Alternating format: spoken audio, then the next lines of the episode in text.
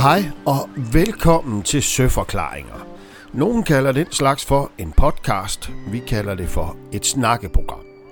Det er her, vi går under og over overfladen i de danske farvande.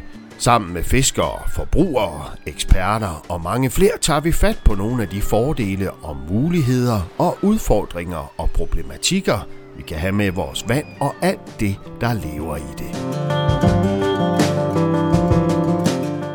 På havnen i Aarhus kan det være svært at finde en parkeringsplads. Foran en stor glasfacade, der står der en fyr i røde Adidas bukser med en sort skjorte og en gul hat. Eller hue er en af dem, der er moderne. Fish og die står der. Fisk eller dø.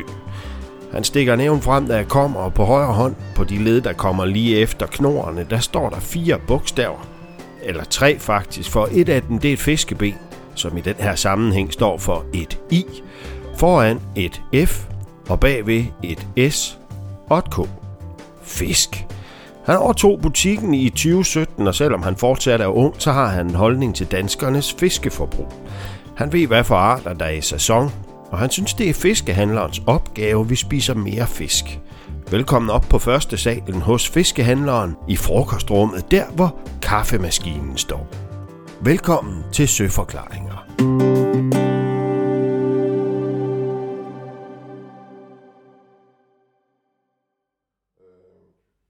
Bare tag dig af det der. Oh. Nå, skal vi prøve? Ja. Uh, Jakob, du, er, uh, du sælger jo fisk, Ja. uh, og er jo sådan set sheriffen i den her butik. Ja. Clausens Fiskehandel. P. Clausens, hvad hedder det P. egentlig? Clausens Fiskehandel er det rigtige navn, ja. Ja. Mange kalder det bare Clausens Fisk. Det er lidt nemmere. Og vi er på havnen i Aarhus. Yes. En gammel fiskerihavn. Hvordan var det, hvis du prøver lige at tage mig sådan lidt med tilbage i tiden? Øh, der var mange fiskehandlere i Aarhus. Ja, det var der. Jeg tror, øh, nu kan jeg ikke huske det præcise antal, men jeg tror ikke, jeg er helt gal på den, hvis jeg siger 80'erne, 80'erne, 90'erne, så var der omkring 40 fiskehandlere rundt omkring i byen. Og i dag, der er vi jo, skal du tælle dem alle med, så er vi jo fire. Bare oppe på Trøjborg, der lå der tre ned ad den gade, hvor min far han lå i gamle dage. Så der, er- der, der, der er sket noget siden. Hvordan kan det være, tror du? Altså jeg tror, jeg tror den selektering, der har været dengang, det har været supermarkedet, der simpelthen har været for stor en konkurrent for, at alle kan overleve. Men man kan jo også sige, altså det er jo, øh, det er jo en branche ligesom alle andre brancher, hvor den stærkeste overlever, og dem, der er dygtigst til deres fag overlever. Og vi er jo to forretninger hernede på havnen, som, som begge to i dag har en stor detailforretning i forhold til, hvad vi var engang. Øhm, så det er jo klart, der er jo nogen, der trækker kunder fra de andre. Det har jo noget at sige. Men så tror jeg også, de er blevet udfordret. Altså, vi har jo været udfordret altid, og er også den dag i dag øh, på det store spørgsmål, at folk de, øh, skal jo helst gerne væk kvalitet frem for pris. Øh, kan vi ikke lære vores kunder det, så, så, så kan vi lige så godt låse døren. Fordi at, øh, at, at vi, vi er jo ikke billigere end supermarked. Øh, jeg synes jo så, at vores kvalitet, den følger med i forhold til det. Men prøv lige at sætte på ord på det, fordi hvordan er den rødspætte, jeg køber i et supermarked, anderledes end den rødspætte, jeg køber her hos dig? Jamen, det er jo altid svært at sige, fordi man kan jo ikke definere lige præcis den rødspæt, de har derude, men, men for mit vedkommende, altså vi køber fisk hjem hver evig eneste dag. Mandag til fredag, der sidder jeg og snakker i telefon eller sms'er med de folk, jeg har op, øh, op nordpå øh, i de forskellige havne. Øh, mine opkøbere, der står og kigger på fisken hver evig eneste dag. Så det vil sige, at jeg får jo en frisk rødspæt hjem hver evig eneste dag. Der kan gå to dage imellem måske, men altså som udgangspunkt, så er det jo en handel hver evig eneste dag. Hvorimod, hvis du kigger på et supermarked, går ind og kigger på, på, på en rødspætfilet, der ligger der, så har den jo en holdbarhedsdato og et label på, der siger, at jamen, den her fætter her, den kan jo i, i teorien, øh, nu ved jeg ikke, hvor lang tid de giver dem i dag, men i gamle dage, der sagde man jo, holder du dem på 2 grader, jamen, så har de 18 dages holdbarhed, før der sker en bakteriologisk udvikling. Det vil sige, at de kan holde sig i 18 dage. Øh, så, så, så allerede der har du et, et, et spørgsmål om kvalitet, fordi en kvalitet er også et spørgsmål om, hvor frisk fisken er. Øhm, I dag skal vi tale lidt om, hvor mange fisk vi egentlig spiser. Om vi kan blive bedre, og i givet fald, hvordan vi skal blive bedre til at, at spise fisk. Men, men inden da, prøv at tage mig med fra, øh, fra det øjeblik, hvor, hvor du siger, at du har en opkøber, som jeg husker, det har du en i Strandby, en i Hanstholm, en i Hirtshals. Ja. Hvordan foregår det egentlig, før fisken kommer her ved dig? Jamen, handel er jo egentlig et eller andet sted, den er jo fast hver evig eneste dag. Klokken 6, når jeg møder ind, så, øh, så har jeg øh, først den ene opkøber i, rør, i røret. Øh, det kunne være øh, Biver op i Hanstholm. Han ringer, og så siger han, Jacob, det ser sådan og sådan ud i dag. Der er mange torsk, der er mange isinger, der er lidt pæne blæksprutter, og der er lidt blålange og, og så videre og så videre. Øh, og så det, det, her, og det blæser heroppe nordpå, siger han så nogle dage ikke, fordi det blæser altid deroppe. øhm, og der kommer ikke så mange både ind i morgen, så skal du have noget til et par dage, så køb i dag, fordi at der er mange fisk inde. Og så går vi jo igennem, jamen kan du få tors til 40 kroner, så skal jeg have to kasser. Kan du få, koster de 60, skal jeg have en enkelt kasse. Koster de et eller andet mirakuløs måde 20 kroner, så skal jeg have 100 kasser for sagen. Det har de ikke været nede i siden 90'erne. øhm, og så går han jo på aktionen med det udgangspunkt. Og så køber han det, han har fået videre af mig. Og når aktionen den er slut, så øh, bliver det sendt over til Biver. Så kommer fiskelogistikken, der er sådan en samlecentral for, for alt fisk, der bliver leveret i hele Danmark. Øh, med deres lastbil samler det op, og så har jeg det her. Det fisk, jeg har købt i dag, det kommer ind ad døren ved mig i nat kl. 3. Øh, og så går vi jo i gang med, med at skære og pynte og gøre ved. Så I møder kl. 3 om morgenen? Jeg har to folk, der møder ind kl. 3, ja. Nu har jeg jo fået barn, nu møder jeg først kl. 6. Det er jo en af, en af de gode ting ved det. ja, det er nærmest direktørtid. Ja, lige præcis. Spiser du selv fisk egentlig? Jeg spiser fisk. Altså, jeg spiser, jeg vil næsten sige, jeg spiser næsten daglig fisk.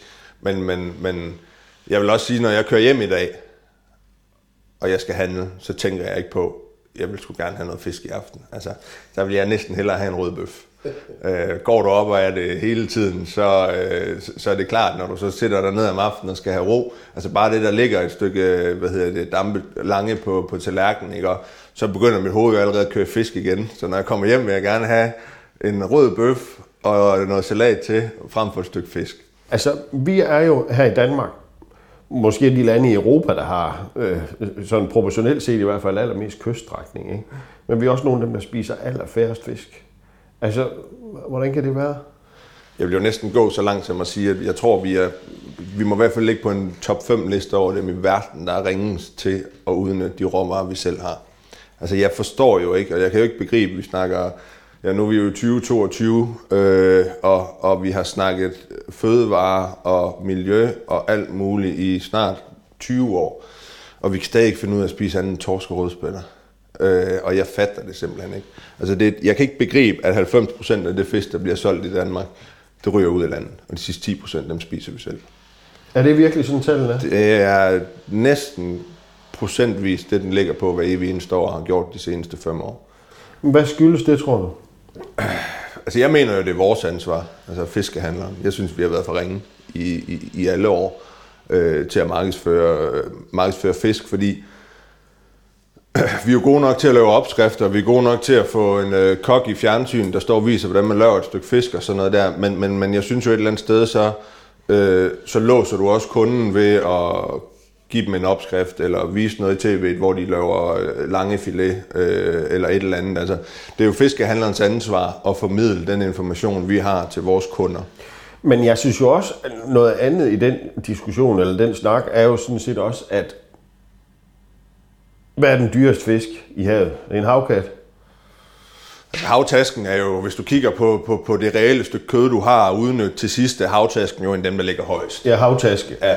Hvad sagde jeg? Havkat? Havkat. Jamen, havkatten er heller ikke billig. Havkatten er, men havkatten er jo et genialt eksempel på, hvordan en fiskehandler han skal kunne sælge et produkt, fordi havkatten er øh, 10-11 måneder om året, der ligger den op og koster mellem omkring 300 kroner kilo. Men kommer du frem til maj måned, så kan du købe det til halv pris. Og, og, og der skal vi jo som fiskehandlere nærmest kaste havkat i nakken på vores kunder i den måned. Og hvis de ikke vil have det, du skal næsten forlange, at det er det, de skal købe. Fordi den koster det halve, og kvaliteten af den er noget helt andet. Så det er fuldstændig latterligt, at vi ikke udnytter råvaren, når den er bedst og billigst, øh, og får den solgt til vores kunder, så de kan lære at spise den. Hvis du så får solgt en havkat til mig i ja. maj måned, og jeg så alligevel har givet 150 kroner kiloet for eksempel, bare ja. for at sige et eller andet, så vil jeg jo også gerne, når jeg kommer hjem og tilbereder den til fruen eller til nogle gode venner, så vil jeg også gerne have, at den sidder lige i skabet. Ja.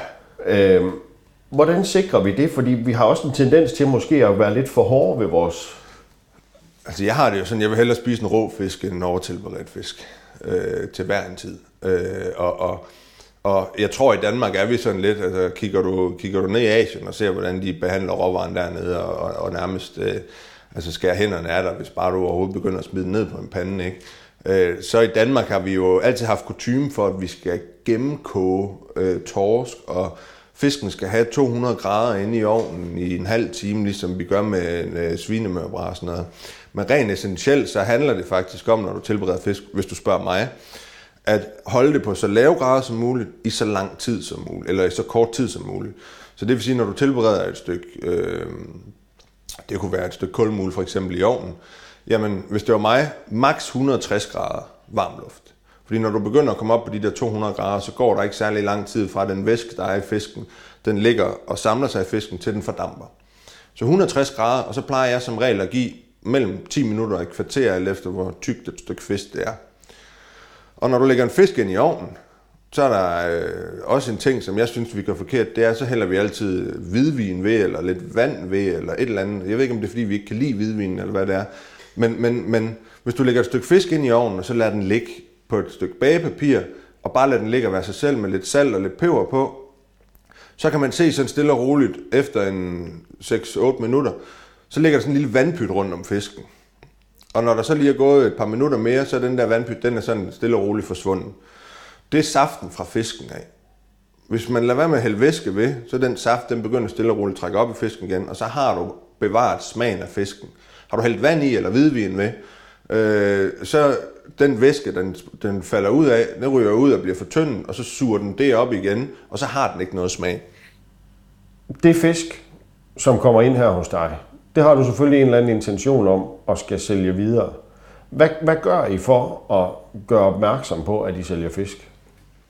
Vi bruger meget de sociale medier i dag.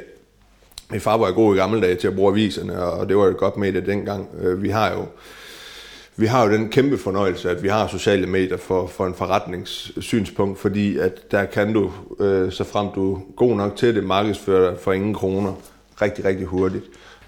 Og det er jo noget, du især så har dyrket de seneste fem år. Kan du, kun, har du kunnet mærke, at det har kunne skubbe? Ja, det synes jeg. Altså, vi, vi, det, kan vi da, det, det skal der ikke være nogen hemmelighed. Det kan vi jo godt se i, i mængden af kunder, vi har igennem hver eneste dag, øh, at, at vi har flere kunder i dag, end vi havde for fem år siden den indsats på de sociale medier, kan du, kan du mærke, har det, har det flyttet noget? Er det vejen frem i forhold til at få folk til at spise mere fisk? Jeg synes, det jeg godt kan mærke øh, i forhold til vores forretning, og det er jo klart, jeg kan jo ikke tale på vegne af andre fiskehandlere, fordi de gør jo ikke det samme, som vi gør. Øh, men altså, nu har vi jo lavet en YouTube-kanal, og man kan sige, at vores YouTube-kanal er ikke som sådan et, et markedsføringsværktøj for vores forretning, fordi øh, den hedder hverken Clausens Fiskehandler, og vi reklamerer sjældent med vores logo derinde, og det er faktisk fordi, at jeg egentlig gerne vil have, at det skal være en formidlingskanal på vegne af dansk fisk. Øhm, og der kan vi jo godt se, at, at hvis vi lægger en video op, hvor vi laver en opskrift med blålangen, jamen så er der lige pludselig nogle kunder, der kommer og spørger efter det. Så er det jo klart, så er det vigtigste for os, det er jo så, jamen, så skal vi jo sørge for at have det hjemme. Øh, for ellers så, så går ideen lidt af det. Men der er jo nogle varer, sådan noget som blålange for eksempel, skældbrosme og sådan noget, som er nogle fantastiske fisk. Det er desværre bifang, så dem kan vi jo ikke garantere at have hver eneste dag i sortiment. Men, men vi kan godt mærke, at folk er bevidste om, at der findes andre fisk end torsk, rødspætter og laks i dag. Altså, vi sælger procentvis mindre af de tre varer, som er, er størst jo. Torsk, laks og så rødspætter øh, sælger vi procentvis mindre af i dag, end vi gjorde for fem år siden også. Og, og, og det synes jeg er et godt tegn. Er du, er du nervøs for fremtiden egentlig? Altså nu er jeg jo heldigvis, nu har jeg fået synes jeg selv, igennem allerede de fem år, mange af de tæsk, som jeg skulle have øh, på de fem år. Og, og, og jeg, har det, jeg har det viljen og ryggen, øh, ryggraden til at blive ved med at kæmpe i den her branche her. Altså hvis det fortsætter den udvikling, som det gør nu her, ikke med fisken, men med alt det bagvedliggende, som begrænser vores mulighed for at sælge en god råvare. Hvis det bliver værre, end det er nu, så kunne jeg aldrig drømme om at lade mine børn overtage den her forretning. Og det er synd, fordi at der er ikke noget, jeg hellere vil have, end at de skulle have den samme glæde som mig, for at møde ind hver eneste morgen, for jeg elsker det.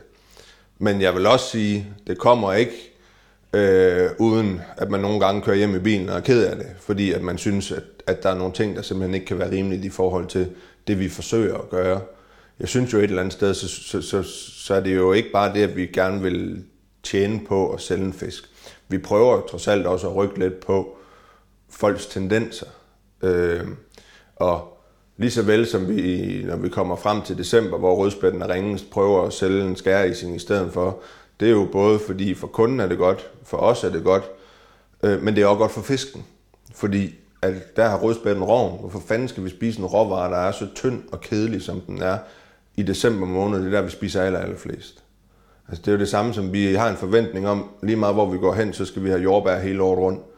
Og, øh, og, og, og når vi kommer hjem alle andre øh, dage end om sommeren, hvor de danske jordbær er der og tykker på sådan et der, så kniver vi øjnene sammen, fordi det er så surt og bittert. Det har ikke en ski med et jordbær at gøre, men vi spiser dem alligevel hele året rundt. Nu har vi været omkring nogle forskellige ting. Hvordan, hvordan får vi os til at spise nogle flere fisk? Jeg synes et eller andet sted, så det bedste, vi kan gøre, det er at lade fiskehandlerne være eksperterne og få, det, for dem, give dem plads og lov til at, at blive hørt. Øh, lad fiskerne få lov til at blive hørt øh, og give plads.